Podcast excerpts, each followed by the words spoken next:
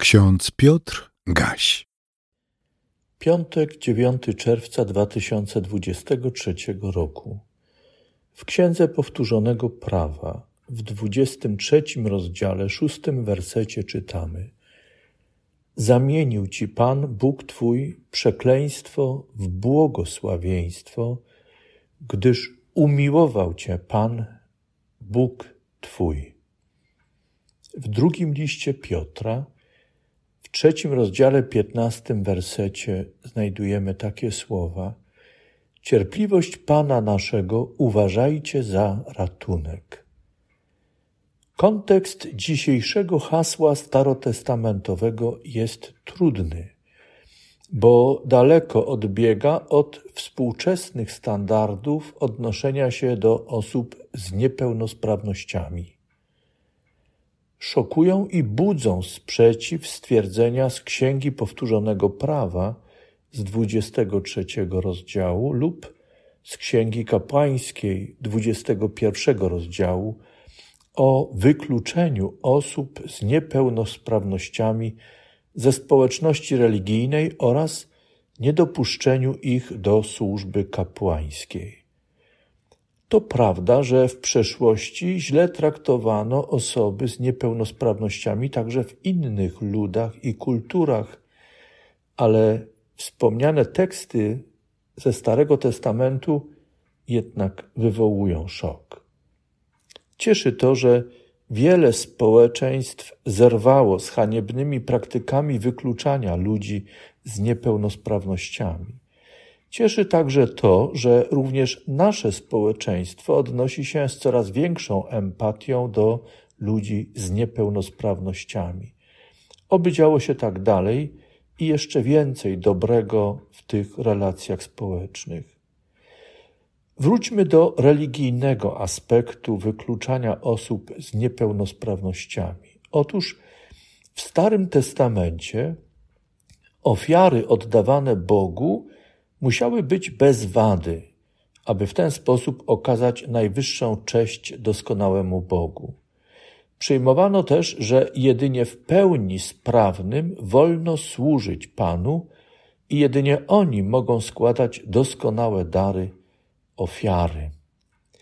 Takie myślenie ludzi Starego Testamentu prowadziło ich do jeszcze ważniejszej konkluzji, poważniejszej, która jeszcze mocniej obciążała ludzi dźwigających cierpienie.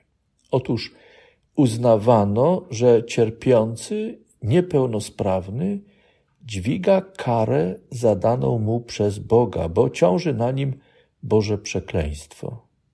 Zauważmy jednak, że już w Starym Testamencie mesjańskie zapowiedzi ogłaszają, iż Bóg wyzwoli ślepych, głuchych, chromych i chorych. Mesjasz będzie szukał wykluczonych, odrzuconych owiec, aby je przywrócić do swojej trzody. To bardzo ważne, fundamentalne stwierdzenia, które powinniśmy dostrzegać w Starym Testamencie. Bowiem, kiedy Jan Chrzciciel został uwięziony, i usłyszał o czynach Jezusa, jak czytamy w liście, jak czytamy w Ewangelii Mateusza, wysłał uczniów swoich i kazał Jezusowi powiedzieć: Czy ty jesteś tym, który ma przyjść, czy też mamy oczekiwać innego? A Jezus im odpowiedział: Idźcie i oznajmijcie Janowi, co słyszycie i widzicie. Ślepi odzyskują wzrok i chromi chodzą Trędowaci zostają oczyszczeni i głusi słyszą.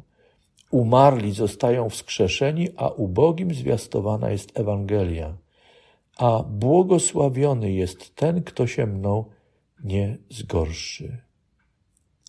Tyle ewangelista Mateusz. Chrystus nie wyklucza osób z niepełnosprawnościami, nie odrzuca tych, których inni odrzucają. W takim razie Bóg dopuszcza do człowieka cierpienie, dlaczego godzi się na niepełnosprawności? To trudne do zrozumienia, do przyjęcia i pozostaje ciągłym zmaganiem. W tym zmaganiu w tle bowiem pojawia się pytanie, Boże, za co spotyka nas to cierpienie? Tym samym dopuszczamy do siebie myśl, że cierpienie musi być Bożą karą.